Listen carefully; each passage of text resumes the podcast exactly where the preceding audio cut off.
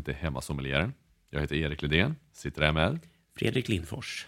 och Fredrik. Idag så ska vi prata om någonting som jag har sett fram emot. Vi ska prata om Riesling. Mm, samma här. Alltså jag är en stor Riesling-fantast eh, och är en stor Riesling-konsument tillika. Eh, Det låter som en bra utgångspunkt. ja, och Erik, vad har du för relation till Riesling egentligen? Ja, men egentligen så var det nästan Riesling som fick mig att börja dricka vitt vin. För om man tänker när man var lite yngre, färgad av sina föräldrar. Vi åkte och campade i Italien. De köpte vinet Bardolino Classico och hemma på systemet upptäckte de Masi som också är något eh, ja, typ norditalienskt rött. Det var ungefär det jag drack eh, fram till 25 års ålder eh, och tänkte väl inte så jättemycket mer på det. Och eh, sen träffade jag min fru. Kanske började gå lite mer på restaurang när man slutade plugga och sådär. Och, eh, hon gillar vita torra viner. Riesling var en druva som ofta dök upp. Och eh, då blev det nästan som en liten sport att försöka hitta vin hon gillar. Och då återvänder man ganska ofta till Riesling. Och ibland så, så går det hem och ibland så går det inte alls hem. Då är de för kvalmiga och för söta och ja, då blir det ingen succé. Eh, och då har det liksom varit för mig lite där jakten på det perfekta Rieslinget eh, och den är liksom ständigt pågående. Ja, det är ju exakt, det är inte alltid helt enkelt med Riesling. Ehm, Jag tänker nu att du, du ska få bidra med lite struktur i mitt Riesling-liv här och att jag kanske kan ta Riesling till nästa nivå och, och jag skulle vilja bli lite mer eh, säker på Riesling. Eh, Ja, men eh, det är ju perfekt. Jag tänker att vi dyker väl rätt in och börjar prata lite grann om, om Riesling. Så vi prata om vad som gör att det är lite svårt med Riesling också och veta vad som är vad. Men eh, vi börjar väl lite grann från början och sen så tittar vi på att eh, Riesling som druvsort och det här är ju verkligen en av vinvärldens mest ädla druvsorter. Alltså det är en vitvinsdruva som har eh, förmågan att vara transparent och den ger verkligen uttryck för sin växtplats. Och vinerna de kan vara eh, långlivade eh, och, och, och verkligen mogna. Och jag har druckit liksom Riesling som varit över 100 år gamla och levt ändå. Det var helt fantastiska viner. Ehm, och mycket har att göra med att liksom Riesling trivs i, i verkligen smalt klimat. Någonstans vad som är liksom så här gränslandet var den faktiskt liksom klarar av att, att odlas. Det är som någonstans där det här bästa ligger. Eh, men den är tålig mot kyla och Riesling knoppar också sent på våren, vilket gör att vårfrost oftast inte är något problem för den här druvsorten. Eh, och sen mognar de också sent eh, på säsongen, så att Riesling har en ganska lång växtperiod. Ehm, och, om man tittar till druvsorten så har den dessutom förmodligen, eller mest troligt ska jag säga, sitt, sitt ursprung i, i Rheingau i Tyskland, eh, på den, den, den norra banken utav Renfloden. Eh, och där har, man, har den omnämnts i skrift så tidigt som 1435, men är förmodligen mycket äldre än så. Och då rör vi oss i västra Tyskland, gränsen mot Precis, Frankrike. exakt. Jag skulle säga att det är egentligen där du hittar de flesta tyska vinregionerna i, i ja, sydväst egentligen, eh, skulle jag säga. Och när vi ändå är inne och nosar lite grann på, på tysk Riesling så, så eh, om vi tittar sekelskiftet 18-1900 så var tysk Riesling mycket, mycket högt rankat. Det här eh, var liksom det, några av de, de dyraste eh, vita vinerna man kunde få tag i i hela världen. Och bland annat så var det en tysk Mosel-Riesling som var det dyraste vita vinet ombord på skeppet Titanic. Wow! Så det här var liksom the, the golden era kan man säga för, för, för Riesling. Men sen hade vi ju två världskrig som framförallt inte gynnade tyskarna. Eh, en tysk ekonomi som gick på, på knäna. Och eh, vad som kom efter det, liksom under efterkrigstiden, så blev tysk Riesling istället känd för sina undermåliga och sötsliskiga Liebfraumilch-viner. Och det här var ett tåg som Riesling ofta åkte med på, trots att många gånger det inte var Riesling som var själva druvsorten. Det var lite oklart, men det var liksom ett tyskt halvtorrt, lite så här sött, sliskigt vin. Eh, som, som liksom, ja, antingen var Riesling eller antingen var en, en blend av typ Myllyturga och Silvaner och Kerner eh, exempelvis. Så att, men det är, också, det, det är inte så konstigt, tänker man, att de fokuserade på att få upp lite volym eh, och, och, och kränga vin under den här efterkrigstiden med tanke på hur, hur det såg ut. Det var liksom kanske inte läge att satsa på, på kvalitet just då, utan det är någonting som har byggts upp över tid och tagit lite tid. Och när jag pluggade till, till sommelier uppe i, i, i Grythyttan eh, så, så bilade jag ner tillsammans med, med eh, några kompisar eh, ner till Tyskland för att vi allihopa var då liksom stora Riesling-fantaster. Och eh, vi ville liksom, ja, men, träffa producenterna och liksom se lägena och hänga i vingårdarna och allt sånt där. Eh, så det här är väl liksom en, en 12 år sedan eller så. Eh, och första kvällen vi kom ner så, så var vi på någon bar och så började vi prata lite grann med, med lokalbefolkningen som, som frågade liksom, men vad gör ni svenska turister här i de här liksom små tyska byarna? Eh, nej, men då sa vi, vi är här för att vi vill dricka Riesling. Eh, för att vi, vi älskar det, vi tycker det är fantastiskt. Och vi fick till svar, vad gör ni i Tyskland? Eh, Frankrike ligger precis bredvid. Det är där man gör vin. här, här dricker man öl. Det fick vi som svar. Det är helt galet. Eh, och, vi, och, vi, var så här, men jag tror inte ni förstår själva, för ni gör några av världens absolut bästa vita viner här.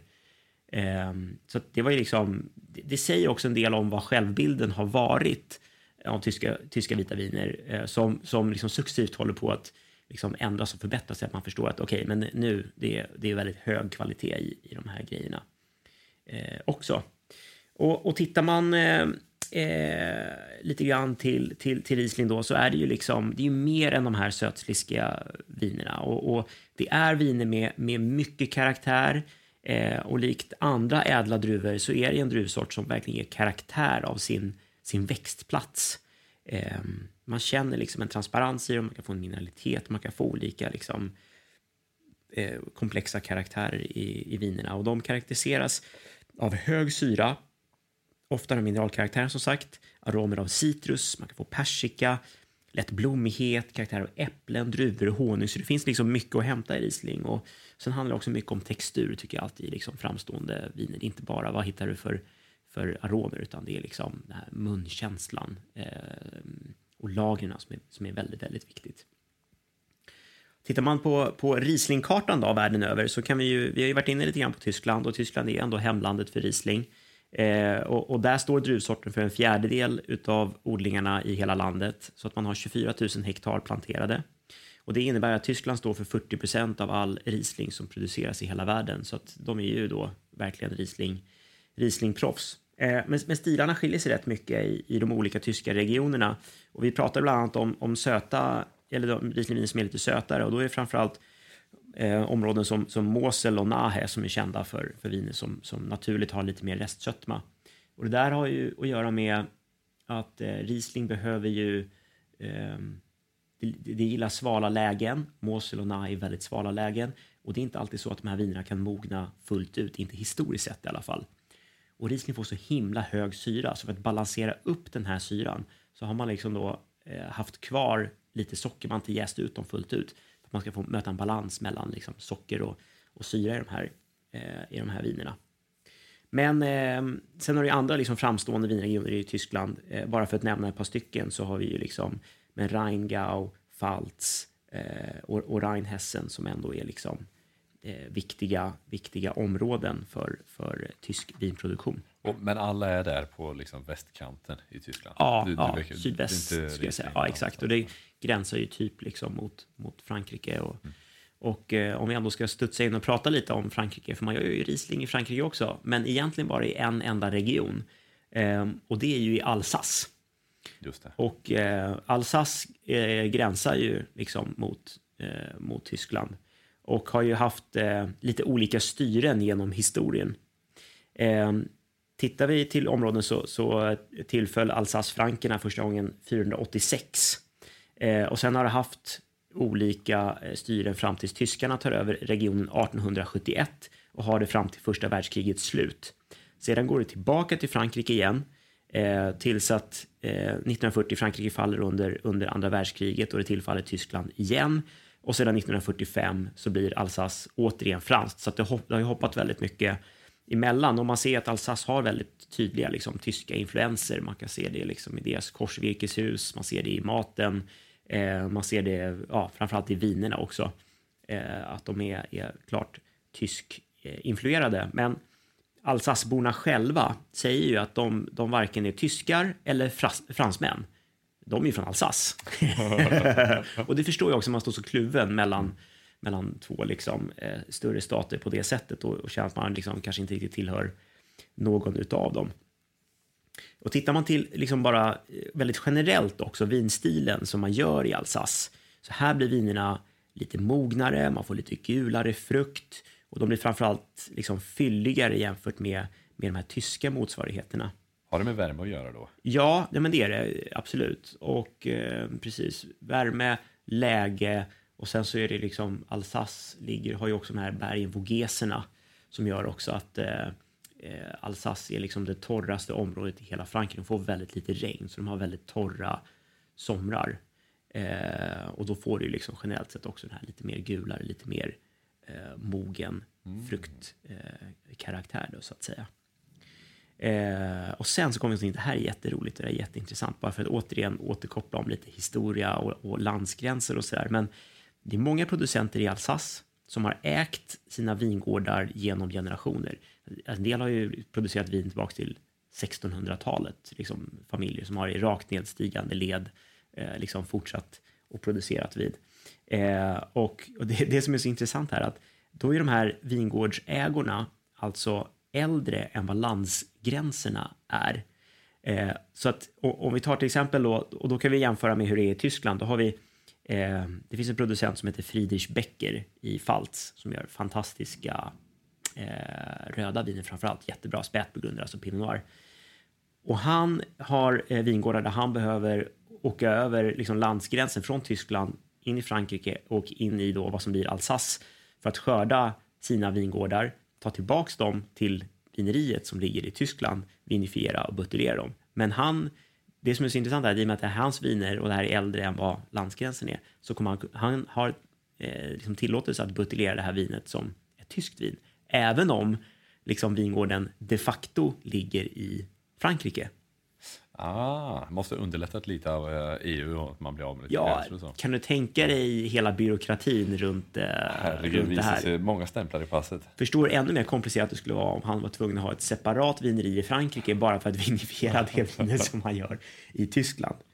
Eh, så det är lite rörigt eh, just, just när det kommer till Alsace och eh, Tyskland, Frankrike. Men Alsace har i alla fall 15 000 hektar planterat med vingårdar.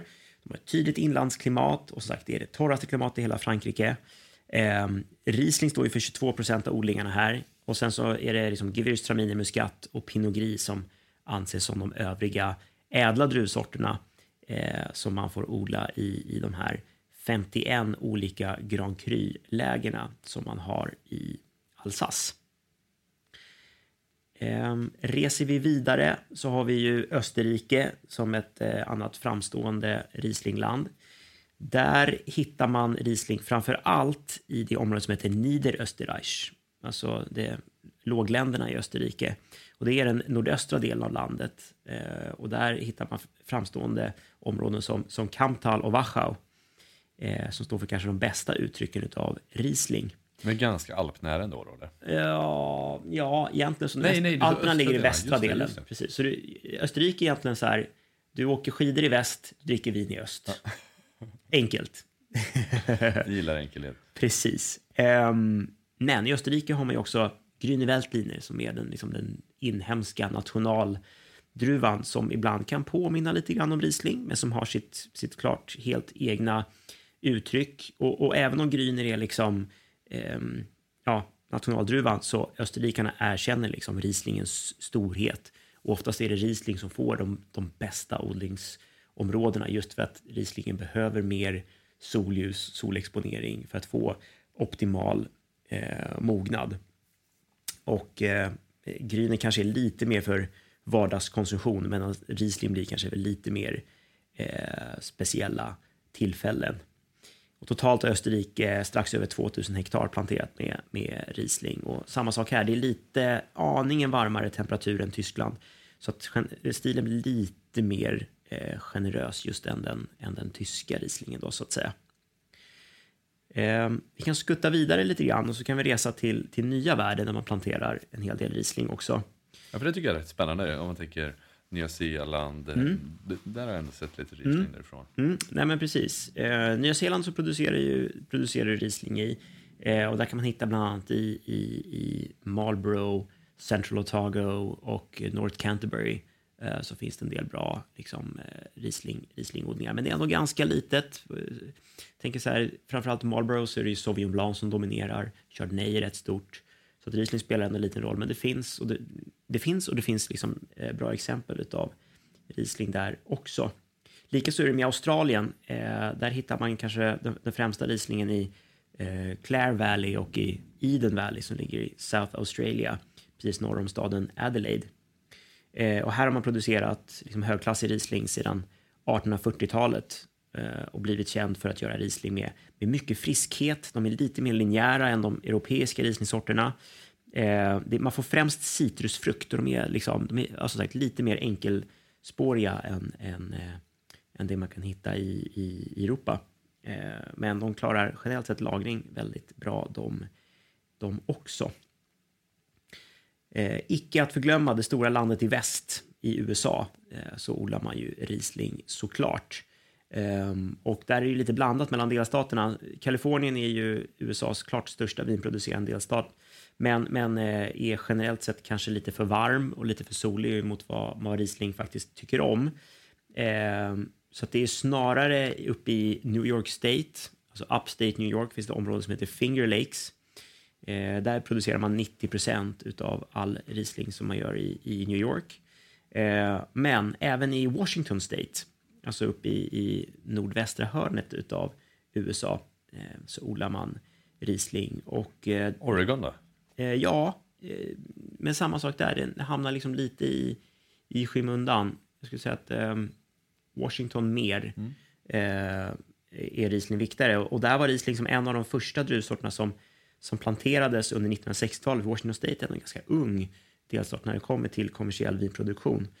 Eh, och här är faktiskt Riesling den tredje mest odlade druvsorten efter Cabernet Sauvignon och eh, Chardonnay. Och eh, vi ska ju så, prova lite, lite vin senare i avsnittet så att jag, det råkar nämligen vara så att jag har en Washington State Riesling med. Kul! Aldrig druckit Riesling tror jag från USA överhuvudtaget. Mm. Ja, det blir spännande.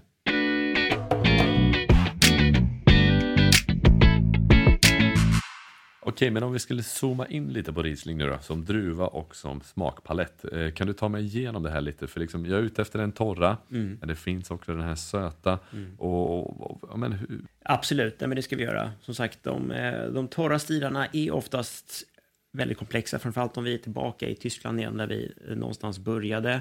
Det har ju liksom eh, den här karaktären utav domineras av citrustoner, mineraliteten ligger alltid väldigt nära. Eh, det finns ofta som typ av blommighet eh, och liksom eh, äppelkaraktär. Sen om du går över till liksom lite mer viner med lite mer sötma då börjar du helt plötsligt få in lite som exotisk frukt. Det kommer mer honungstoner, lite mer kande, kanderad frukt. Och ju, liksom så att säga, ju mer moget och ju sötare det här vinet blir, desto mer kommer det domineras alltså, av de här liksom honungssöta dofterna. Det kommer också bli liksom fylligare och generösare eh, helt enkelt. Men hur vet man då att en Riesling faktiskt är torr? Mm. Det kan ju faktiskt vara svårt. Eh, förhoppningsvis så, så kan det vara en snäll producent som skriver antingen dry på etiketten, dry Riesling, eller som tyskarna gör, eh, de skriver Trocken, Riesling Trocken till exempel. Eh, då får du ju en indikation på att det här är torrt vin. Sen är det ju inte alla som gör det och det här som kan, kan göra att Riesling är så svårt. Eh, visserligen är Systembolaget bra för där kan du alltid läsa dig till hur mycket restsötma som är kvar i vinerna. Men, men allmänt om man ska liksom leta runt så är det inte alltid så tydligt och särskilt enkelt. Jag har ett litet knep som man kan göra för att kanske inte veta om vinet är torrt, men däremot ta reda på om det definitivt har sötma. och det man kan göra är att man tittar på alkoholhalten.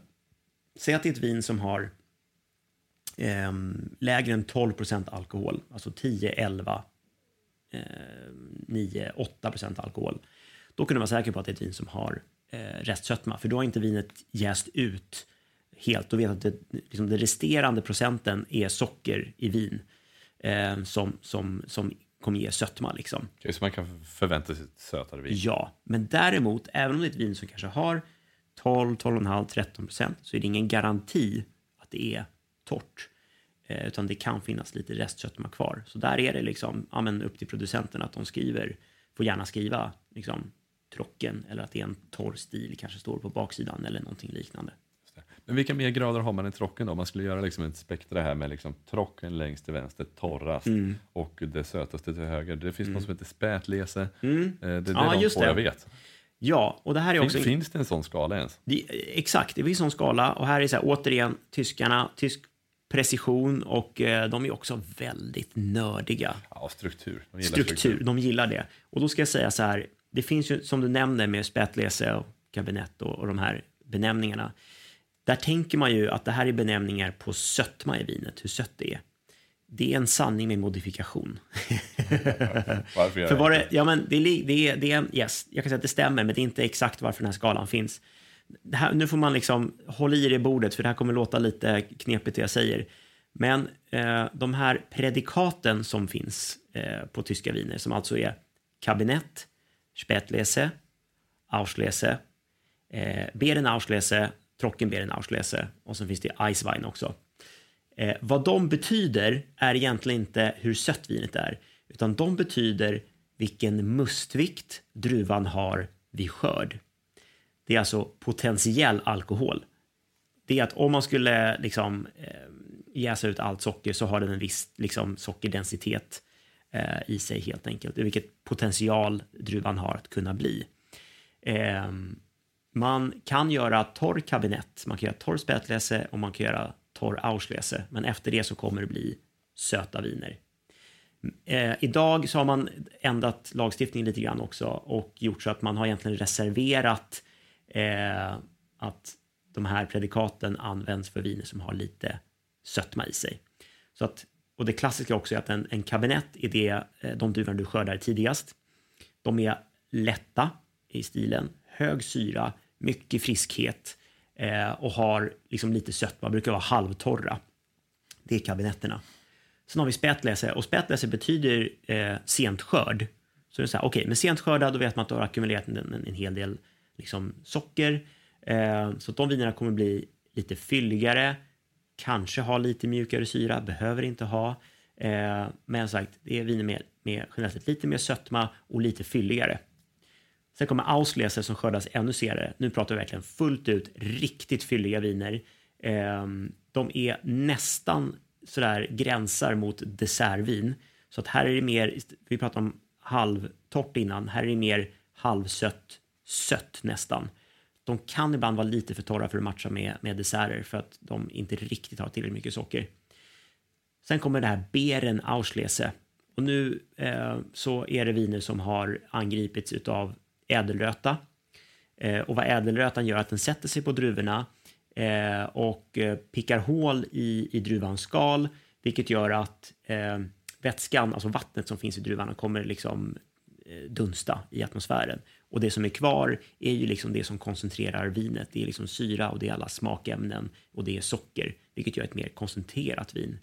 Men det ger också lite karaktär den här ädelrötan. Det får lite mer krydd, sötkryddig karaktär, oftast lite så kanel, saffranstoner. Eh, och sen sist så kommer Trockenbeeren Auslese och det är fullt skrumpnade russin mer eller mindre.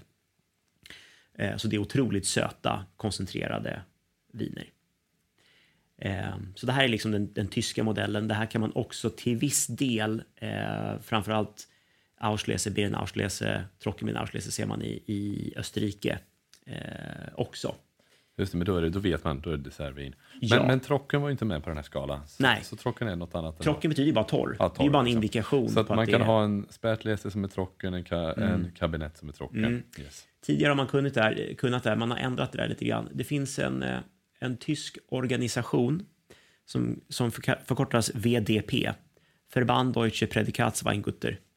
Eh, lite sådär enkelt, kort på tyska. Nej, men vad, vad de är, att det var en, en organisation som som var så upprörda på, på den tyska vinlagen som kom på början av 70-talet som egentligen bara promotade volym och låg kvalitet. Så att det var ett antal eh, vinproducenter som slog sig samman och sa att vi vill verka för att producera högkvalitativa tyska viner. Ehm, så då, då, skapade de liksom typ ett, som ett eget liksom, regelverk inom den här organisationen. Och idag ska jag säga att egentligen så är liksom, i princip alla högkvalitativa tyska producenter är med i den här VDPn. Så de sätter egna, ännu lite stramare liksom, lagar. Det är de också som har kartlagt vad som är så att säga Grand Cru-lägen och Premier Cru-lägen och liksom vingårdar på samma sätt som man skulle göra i Bourgogne. Är det de som har kartat upp liksom, i, i, i Tyskland och, och graderat. Eh, och de sa nu för inte så länge sedan att eh, man får inte längre hålla på med, inom deras organisation, kabinettrocken, spätlesetrocken, auschläsetrocken.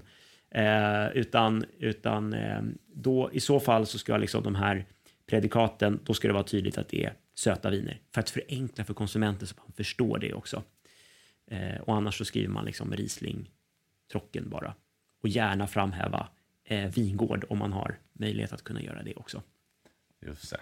Ja, snygg kuriosa. Mm. Lite knepigt, det är mycket information här också, men, men som sagt det... Men det visar ju på ett visst djup i Rieslingträsket också. Oh ja. Och eh, man Oh ja. gör det ändå. Oh ja, Nej, men det, så är det ju verkligen. Precis. Så att man får, man får plugga lite grann när det kommer till Riesling.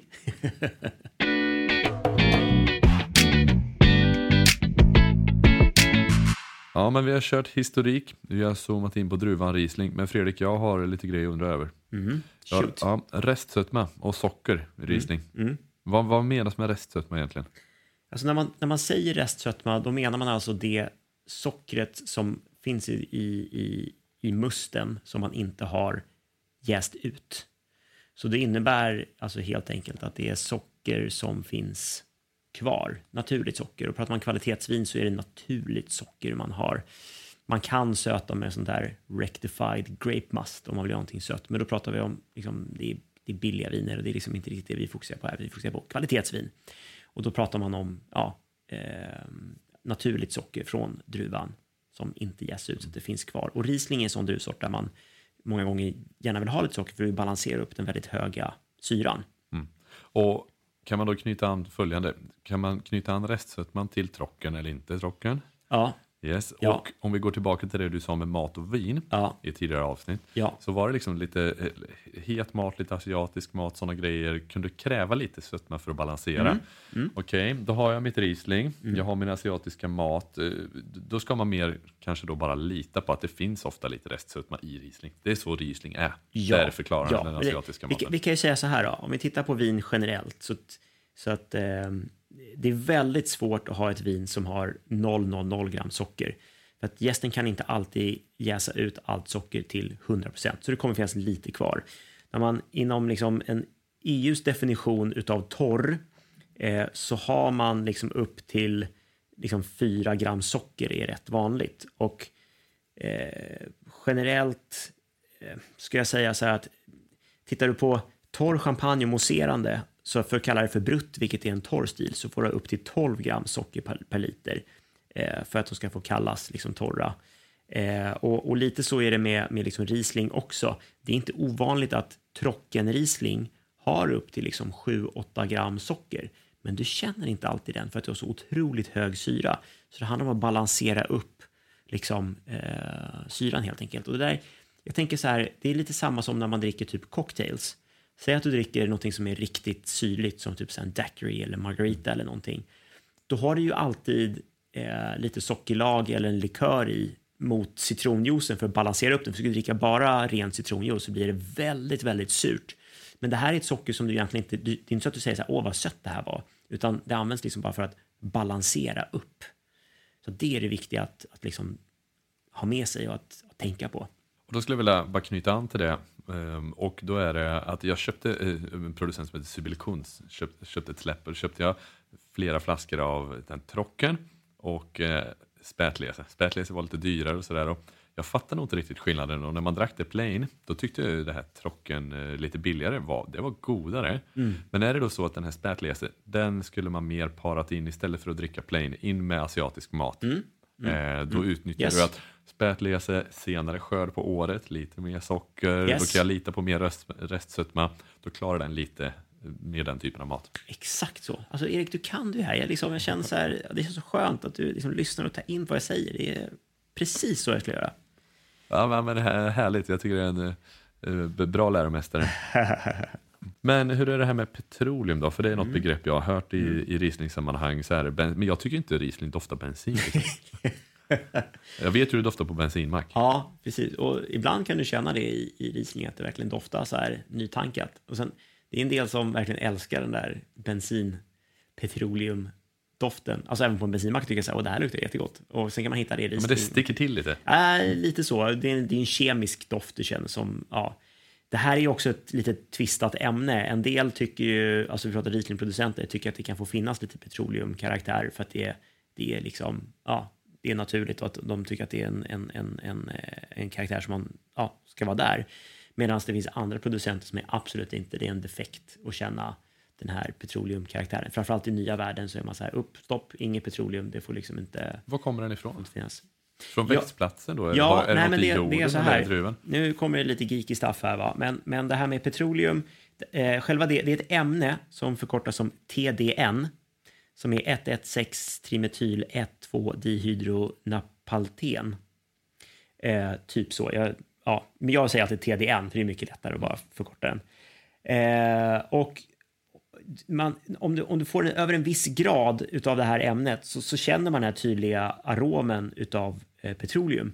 Och Riesling är en druvsort som har högst nivåer av eh, TDN av alla kommersiella druvsorter. Så därför man, liksom, vi känner inte det i, egentligen i några andra, utan det är Riesling framför allt. Och sen är det två faktorer som, som avgör för att TDN ska bli märkbart i Riesling. Och dels så är det solexponering, alltså om, om eh, man får mycket solexponering direkt på druvorna under växtperioden, eh, då kan det utveckla den här TDN-ämnet då så att säga. Så att vad man kan göra för att förhindra TDN, eh, det är att man låter liksom bladverket växa över druvorna och skydda så att du inte får en liksom, direkt sol, solexponering. Eh, och det andra är vattenstress. Det betyder alltså om det är väldigt, väldigt torrt så kan det också eh, framhäva TDN. Ökar risken då i Alsace? är ju frågan. Eh, ja, till exempel. Men där är det, där är det vanligt, ska jag säga, att du känner TDN-karaktär. Och oh, då skulle det kunna vara lite avslöjande för växtplatsen. Det, ja, det behöver inte vara. Fast, ja, jo, till viss del, men, men TDN är inte unikt för en specifik vingård eller ett specifikt område. Så, utan, men, men ja, det finns såklart de där du kan känna det lite mer. Men Alsace, absolut, TDN kan, kan förekomma rätt vanligt. Men, men sen är det också så här, som du nämnde, att du inte känt så mycket eh, petroleumtoner i Riesling. Så sen är det ofta så att det vi dricker och det vi köper på Stenbolaget är ju som ung Riesling. Eh, och i och med att när Riesling är ungt så, så, har det så pass mycket fruktighet så man kanske inte alltid känner petroleum, den ligger liksom lite grann bakom. Eh, det är därför den kommer fram mer med, med ålder. Och det, är så här, det, det, det är så typiskt, man hör så här, Åh, när det utvecklas så får det mer petroleumtoner. Och då är det just för att ja, men då kommer frukten lägga sig och då kommer sen de här petroleumtonerna komma fram tydligare helt enkelt. Ja, intressant. Då har jag en ytterligare en fråga och det är när jag har stått och tittat lite på Riesling. Jag köpte Riesling senast igår och jag står där och kollar bland flaskorna och läser lite på etiketterna och så dyker det upp sådär Riesling. Det står GG, det står mm. 1G mm. och vad, vad, vad, är det då? Det är ingen 3G, 4G, 5, 5G. 5G. Ja, exakt. Nej, precis. Det har ju inte med såna här mobilmaster och sånt att göra, eh, utan det här är återigen, vi pratar om de här VDP, den här Verband Deutsche Prädikatsweingutter, den eh, organisationen och den sammanslutningen. Eh, de satte ju också en, en, hierarki på vingårdarna, vad som är Grand Cru, vad som är eh, Premier Cru, precis på samma sätt som man gör i Bourgogne. Alltså bästa, bästa vingårdarna, det är ju Grand Cru. Det är det som är förkortat GG på etikett. Oj, vad eh, otroligt subtilt. Ja, det, var, ja. det här ska de inte ut och skryta. Nej, utan lite sådär snyggt. Det, de skriver inte oftast ut det, men det, det, blir, det, är, en, det är en tysk förkortning också mm. som betyder großes Gewächs. Alltså stort växtläge, precis som Grand Cru gör, mm. fast på franska. Eh, så då förkortar de GG. Det kan du se antingen på etiketten eller ibland kan du också se det att själva flaskan har, eh, är liksom, har en, en GG-logga eh, oftast uppe på, på halsen alltså okay. i, i själva glaset. Så 1G, då är det Premier Cru? Precis, eh, precis. Så att 1G är, är Premier Cru och då säger man Erste Lage, alltså ett första, första läge. Så Grosses Gewächs, Grand Cru, stora läget, Erste Lage eh, förkortar de 1G, är då Premier Cru. och ligger strax under i kvalitet. Och under det, då finns det ingen särskild benämning? Då har du, nej precis, då gör du antingen kommunvin, precis som du skulle göra i, i Bourgogne, eller så eh, kan du göra, du kan fortfarande göra ett vingårdsbetecknat vin, men den vingården behöver inte vara eh, specificerad då som antingen eh, Erste Lage eller Großes Gewächs. Det där tycker jag var väldigt kul. Mm. Mm. Stämde inte alls, jag trodde vi skulle ha något med socker. Eller något ja. ja, intressant. Men Fredrik, då är jag, alltså jag har ju fått säga vad jag tycker om Riesling och hur jag kommer lite på min resa. Men du som sommelier, vad är det du gillar allra mest med mm. Riesling? Ja, nej men eh, jag har ju som sagt länge varit en Riesling-fantast och jag tror någonstans här, alltså man gillar ju den här transparensen i viner. när de är liksom ger karaktär av växtläge, när du får en förnimmelse av mineralitet.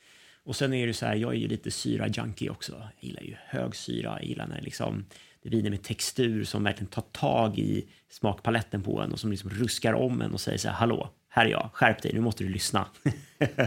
det går inte att gå förbi en obemärkt liksom. Och där tycker jag att Riesling är en sån fantastisk druvsort i precis den bemärkelsen. För att det är liksom, eh, det är nog förmodligen den druvsorten som naturligt ger högst syra. Du har mycket mineralitet, men du har också mycket, mycket smak. Det finns ju liksom, Riesling är ändå en, en aromatisk druvsort. Eh, men, men, men det är liksom inte bara aromatiken i sig, utan vi pratar om att nu bygger man lager på lager utav karaktärer. Eh, och där tycker jag att topprislings verkligen är jätte, jätteintressanta. Jag älskar när de är torra, men jag är också väldigt, väldigt förtjust i halvtorr Riesling. Eh, och jag tycker att det är lite synd nu när vi är i en tidsera där man är lite rädd för socker och tycker att det är lite läskigt. Eller att man av ja, hälsosamma skäl inte tycker att det är bra. För jag tycker att det är helt briljanta viner som man kan dricka liksom när som helst med låg alkohol, med otroligt drickvänliga. Och de går att matcha till precis vad som helst. Och de klarar lagring jättebra och jag tycker att de är fantastiskt goda. Alltså. Men så det är en balans. Det handlar ju om att liksom syran är i balans med eh, sötman, alltså ingenting till Det får inte bli kvalmigt. Men det, det är liksom sällan i bra Riesling som det blir det. Utan det, jag tycker det bara blir en harmoni och det blir jätteläckert. Ja, men härligt att höra. Och ja, Riesling, det, det känns som en druva som kommer vara med oss. Nej, men jag tror verkligen det. Jag tror verkligen det. Och nu när vi pratat lite grann, Erik, så känner jag i alla fall att jag eh, börjar bli lite torr i munnen och eh, tycker att det kanske är dags att vi langar fram två stycken härliga Rieslingviner. Ja, men jag tackar inte nej.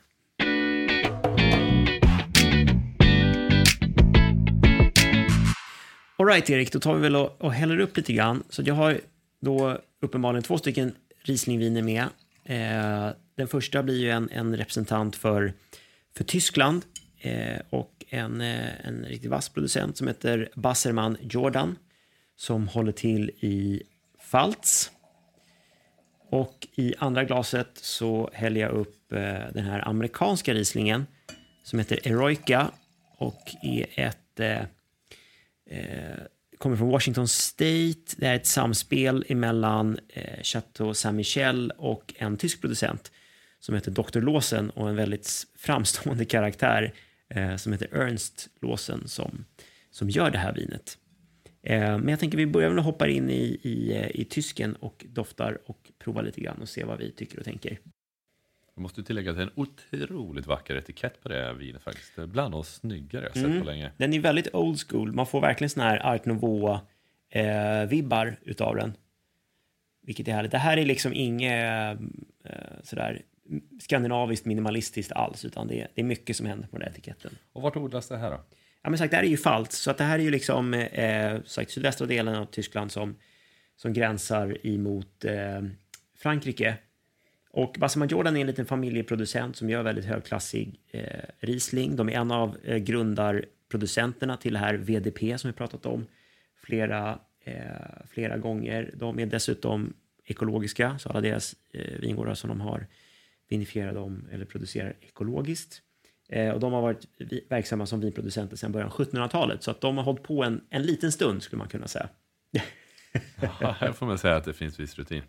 Verkligen. Men det här tycker jag också så här, det här är, oh, det här är kvintessensen av en så här härlig tysk eh, Riesling. Det här är liksom ingen, ingen dyr Riesling i sig, utan det här är liksom ett instegsvin. Men det bjuder ändå på så här, förstklassig fruktkaraktär av, man får lite, lite söt stenfruktskaraktär, jag får lite mogen citrus, persikorna är där. Eh, det finns liksom eh, mycket att hämta ur det här glaset, det är inte så blygt. Mm. Smakmässigt också, det här är härligt. Och det, jag får verkligen det här greppet i hela, hela paletten som jag pratade om tidigare. Syran är där, den bara skriker åt den. Um, det är så mycket friskhet, det är fräschör. Allt känns som att det är väldigt liksom sitter på rätt ställe, frukten är på rätt plats. Det är liksom ingenting komplicerat på något sätt, utan det här är bara god Riesling, rakt upp och ner. Ja, men det, det, det var supergott, jag håller med. Ja, visst är det nice.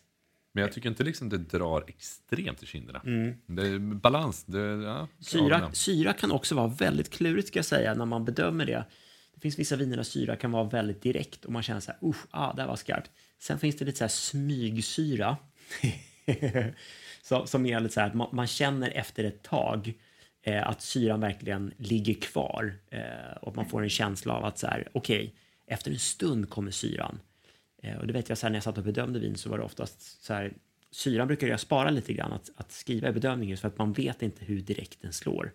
Så att det är ju, det kanske nu säger att man känner inte att syran är liksom... Men den kanske finns här nu ja. Den finns, ja. känner eftersmaken också, mm. den sitter verkligen i, men den är i, i väldigt fin balans alltså.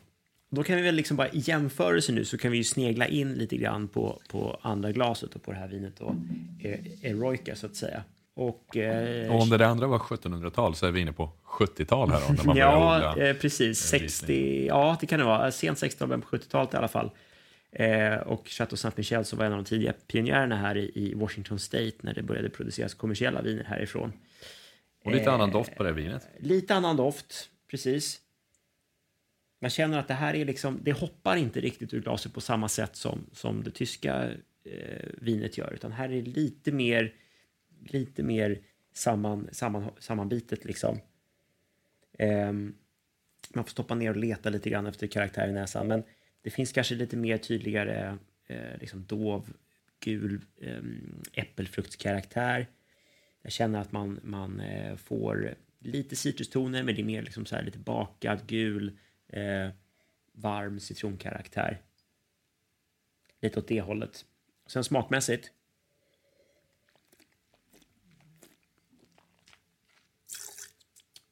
Så kanske skiljer sig lite grann från hur man förväntar sig att det här ska smaka också, men det är väldigt välbalanserat. Men här kommer det lite mer av den här liksom sötare tropiska frukter, men som mixas upp med mycket citrustoner och en friskhet. Men det här har ett liksom lite mer bredd i sig än vad, än vad, än vad tysken hade som var väldigt så här, flörtig och, och inbjudande. Men här var det papaya, ananas, mm. eh, typ, typ Ja, frukter. det kommer lite sånt. Och framförallt det, det dyker upp lite mer, lite mer i, i smaken. Och eh, det här vinet är faktiskt inte helt torrt heller. Och det här tycker jag är snyggt, för jag tycker inte man, om man inte tänker på det riktigt så, så, så noterar man kanske inte sötman, men det här har 15 gram socker per liter. Och där sa jag liksom någonstans inom EU så är det vanligt att man har typ upp till 4 gram, upp till tysk trocken som har liksom lite undantag för att det är så höga eh, syranivåer så är liksom ja, men 7 gram rätt vanligt och här är vi ända uppe, liksom dubblar det upp till, upp till eh, 15 gram. Eh, men det här är ett vin jag aldrig hade kunnat bjuda min fru på. Hon hade tyckt att det var för ja, men det förstår jag. för sött. Det förstår jag. Eh, men, men du framar det som att det är lite mer, det är en bra balans, det är mm. mer tropisk frukt så. Mm. Kan man plocka upp det i någon mat eller göra något sånt mm. med det då? Att man, det här kanske är ett vin man inte sitter och dricker plain om man inte gillar stilen. Ja, det är precis det som jag tycker är, är det viktiga i det här. Att det här blir ju ett, också ett klockrent matvin just för att jag tror att det här vinet skulle kanske, hade vi fått det helt knastertorrt så hade det kanske varit lite för stramt och liksom lite så här ogint och inte bjudit så här på särskilt mycket. Men nu får man en liten kick av sötman, vilket gör att liksom vinet det bjuder till och då kommer liksom de här tropiska tonerna. Den ger mycket mer än vad vi faktiskt liksom kände bara på, eh, på näsan. Och precis, har vi lite socker i, då är det ju perfekt också att kunna matcha det här med lite, rätter som har lite mer kan ha lite mer sting eller ha lite mer kryddighet och ha lite mer intensitet. Vi kan öppna upp liksom hela asiatiska köket är perfekt dra det här ihop med liksom en peruansk ceviche eller liksom någonting åt det hållet är ju också liksom klockrent. Eh, men tittar vi på tysken, liksom, absolut, du skulle kunna köra eh, lite som asiatisk mat och så den också. Men den är ju liksom lite torrare, den har lite flörtigare liksom fruktkaraktär. Här vill jag ändå ha någonting som kanske är lite mer finstämt kanske ihop med den. Eh, liksom tycker rå lax kan man köra liksom rimmad eller gravad lax. Om vi tittar till svenska köket. Sushi varit inne på tidigare är ju perfekt med den här stilen utav, eh, utav Riesling. Eh, det är grymt ihop med skaldjur. Skaldjur som du vet kan ha en lite naturlig sötma i sig också, men, men där man inte vill liksom att vinet ska inte vara för kraftigt heller. Det har ju en lätthet i sig. Perfekt förrättsvin. Tänk lite halstrade pilgrimsmusslor så har du en liten sån här eh, smör, smöremulsion med lite äpple eller såna här grejer i. Det tror jag är liksom klockrent ihop med, med, med den tyska Rieslingen. Ja, men underbart, kul att testa de här två Fredrik. Och eh, det är ju faktiskt ett väldigt bra exempel på eh, Rieslings bredd. Mm. Nej, men eh, verkligen, verkligen. Så har vi liksom något från det gamla typiska, liksom, eh, gamla världen och Tyskland och så någonting från vad som händer liksom, ute, i, ute i nya världen också. Och att man då när man ger sig på Riesling kan, eh, kan använda sockret lite. Eh, kre, ja, men, eh, verkligen använda det. Och, mm. Istället för att vara rädd för det. Exakt. Ja, jag tror exakt. att det är, det är nyckeln. Det är nyckeln här. Men Erik, vi hade väl någon eh, lyssnarfråga också har jag hört. Om vi... Ja, men exakt, som kanske inte bara hör till Riesling, men det kan vara kul att ta upp lite nu när vi börjar få in lyssnarfrågor i podden. Eh, så kan vi avsluta kanske med, om vi hinner med, två frågor. Och då är första frågan eh, som jag fått från en lyssnare som är Varför är det kutym att ta med sig ett rött vin som present eller middag? Mm. Och då skulle jag väl direkt fråga, är det kutym verkligen att det ska vara rött? Jag tror att det är vanligt att man väljer ett rött vin att ta med sig när man ska gå bort. Och där, jag tänker att man vill ju oftast, när man går bort till någon så vill man ju ta med en, en fin, ta med sig ett schysst, liksom, här kommer jag med ett fint vin. Sen tror jag också, men titta på oss som, som svenskar, vi är väldigt, liksom, vi dricker eh, mycket rött vin. Liksom. Och, och, man tänker också så här, till varmrätt så blir det oftast rött. Och på en, på en måltid så är rött vin alltid med. Eh, så där. så att jag, jag, jag, tänker att det är väl lite de tankebanorna man går i när man säger, ja men då, då vill jag visa att liksom, jag, jag bryr mig. Liksom, så här, jag tar med ett, ett schysst liksom, Alltså jag, jag men... gillar att ge vin i gårtpresent och ja. likaså när jag får vin i gårtpresent. Men när jag ger vin, jag brukar försöka verkligen tänka, vem är den här personen? Ja. Vad gillar han eller hon att dricka? Ja. Och kanske matcha in och ja, men lägga lite extra tanke i det. Det tycker jag är en väldigt kul aspekt av vin.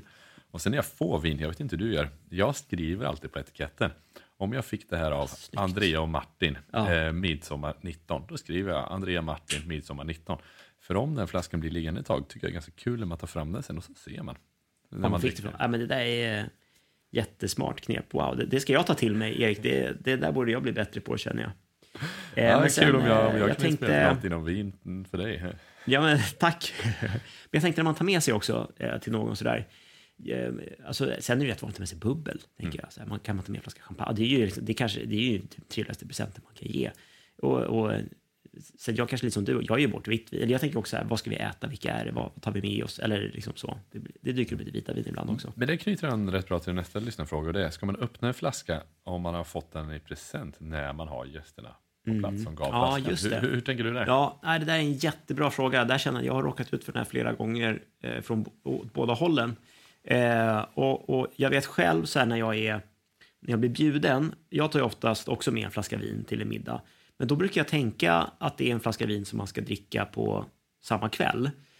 Och eh, ibland så då har jag råkat ut för den där att nej, men då, då, då dyker inte den upp under middagen för någon tar den present. Tack! Och så är det liksom så här, men, och då är det också, och vilket är inte så konstigt heller, för då är ju som världen förberett. De här vinerna ska vi dricka ikväll och liksom har sin idé och så, så blir den en present. Och, och, så är det ju också. Du ger ju bort någonting till någon och den personen bestämmer när den ska drickas.